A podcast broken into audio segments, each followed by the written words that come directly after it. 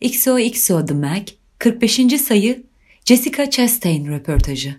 Jessica Chastain, Hollywood'da bir hiperrealist.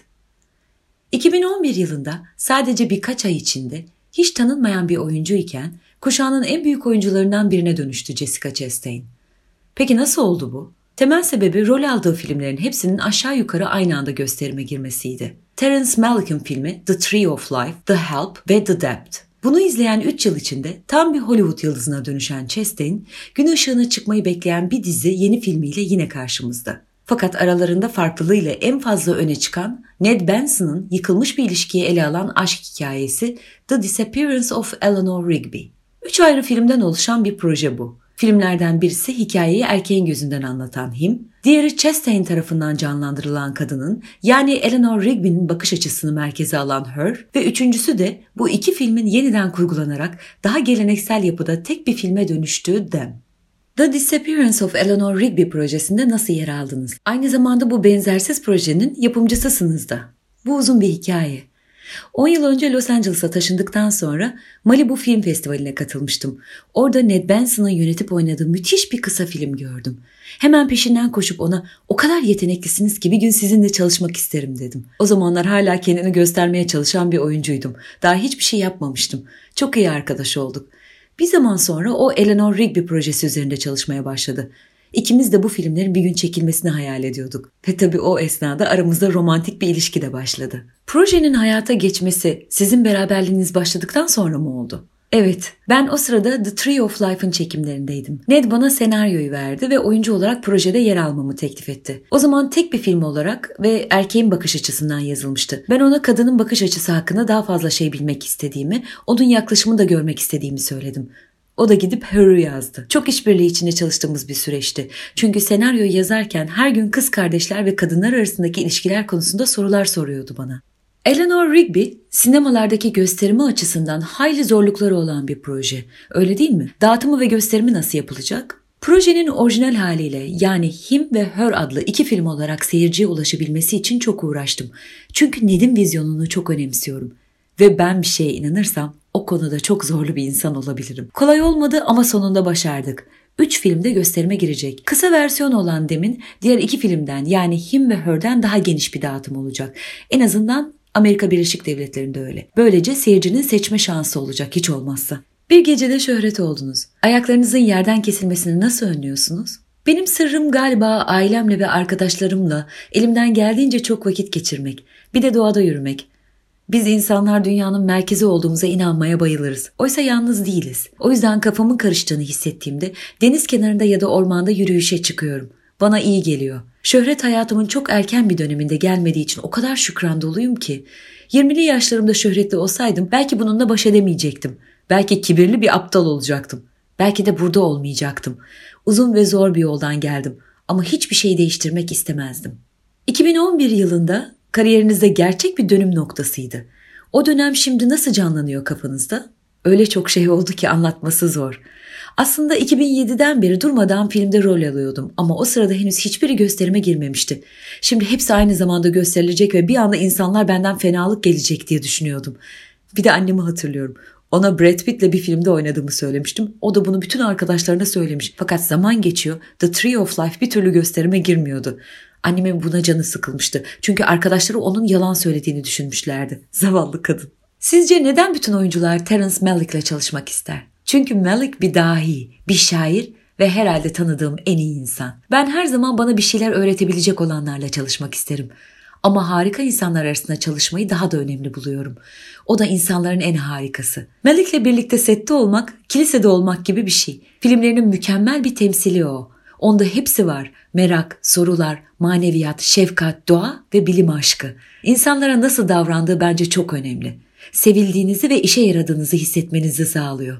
Al Pacino sizin yeni Meryl Streep olacağınızı söyledi. Pacino benim hayatımı değiştirdi. Anlaşılan o ki arkadaşlarından birisi haftada 300 dolar kazandığım küçük bir tiyatro oyununda beni görmüş.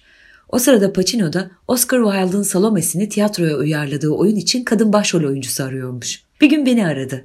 Hayatımın en beklenmedik telefon konuşmasıydı ve hem o sahne oyunu için hem de sonradan çekeceği sinema versiyonu için beni seçti. Ona çok minnettar hissediyorum. Benim için harika bir öğretmendi. Ondan ne öğrendiniz? Kameranın aynı sahneyi paylaştığınız rol arkadaşınızdan daha önemli olduğunu.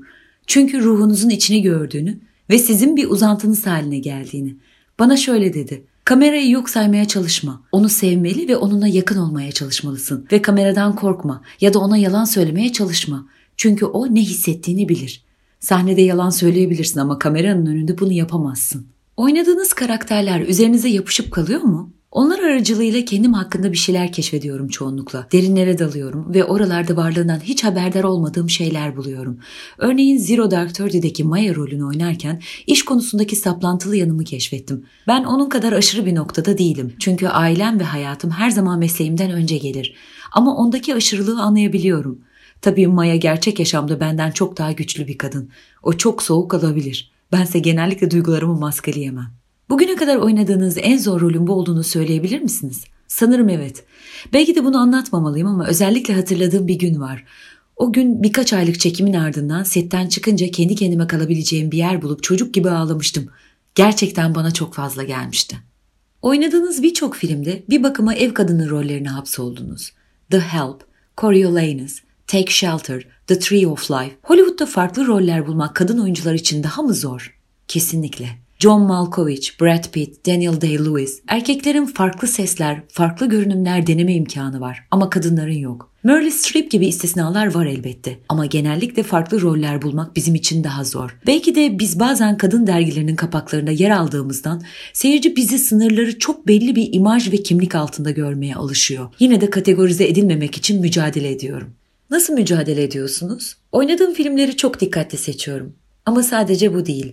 Örneğin yalnızca işimle tanınmaya çalışıyorum. Ailemi ve partnerimi spot ışıklardan uzak tutmak istiyorum. Bu mesleğe kendimden çok şey veriyorum. Özel bir alana da ihtiyacım var. Annem, babam ve kardeşlerimle arama hiçbir şey girmesini istiyorum. Ayrıca yaşımı da söylemiyorum. Maya türü rollerinizle bir bukalemun misali oynadığınız karakterin içinde kaybolabildiğinizi gösterdiniz. Bunlardan birisi de Mama'da oynadığınız karakter. Anne olmak istemeyen ve sonunda kendini yabani çocuklara büyütmeye veren dövmeli rakçı Annabel. O film annelik güdülerinizi ne yönde etkiledi? Çocuklarla çalışmak yetişkinlerle çalışmaktan daha fazla hoşuma gidiyor. Onların yanında olmak harika. Enerjilerine, heveslerine, dürüstlüklerine ve neşelerine bayılıyorum. Çoğunun kendine dönük bir farkındalığı yok ve bu müthiş bir şey. Oyuncu olarak saf bir yanları var. Hayal güçlerini kullanıyorlar ve eğleniyorlar. Annelik güdüme gelince kesinlikle azalmadı. Hep vardı. Çocuk yapmayı düşünüyorum ama önce iş tempomu yavaşlatmam lazım. O kesin. Son 4 yılda neredeyse 20 filmde rol aldınız. Hatta Oblivion, Iron Man 3 ya da Diana gibi filmlere hayır demeseydiniz bu sayı daha da yüksek olacaktı. Evet sadece 4 yıl geçtiğini inanmakta ben de zorlanıyorum. Yıllar olmuş gibi geliyor. Bu sürede öyle çok çalıştım ve öyle çok deneyim edindim ki 4 yıl önceki o kız ben değilmişim gibi hissediyorum. Şimdi daha kendimden eminim. Galiba biraz ara vermeliyim ama bir daha beni aramayacaklar diye çok korkuyorum. İşsizlik ve açlık çekmek istemiyorum artık. Çalışarak yorulmayı, çalışmama endişesiyle yorulmaya tercih ederim. İşsizlik çektiğiniz dönemde oyunculuğu bırakmayı düşündünüz mü hiç? Tabii ki şüphelerim vardı ve ben de oyunculuğu bırakmayı ya da kolay yolu seçerek bir reality show'un parçası haline gelmeyi, tanıtımını yapacak tek bir filmim dahi olmasa da mümkün olduğunca çok kırmızı halıda yürümeye çalışmayı aklımdan geçirdim.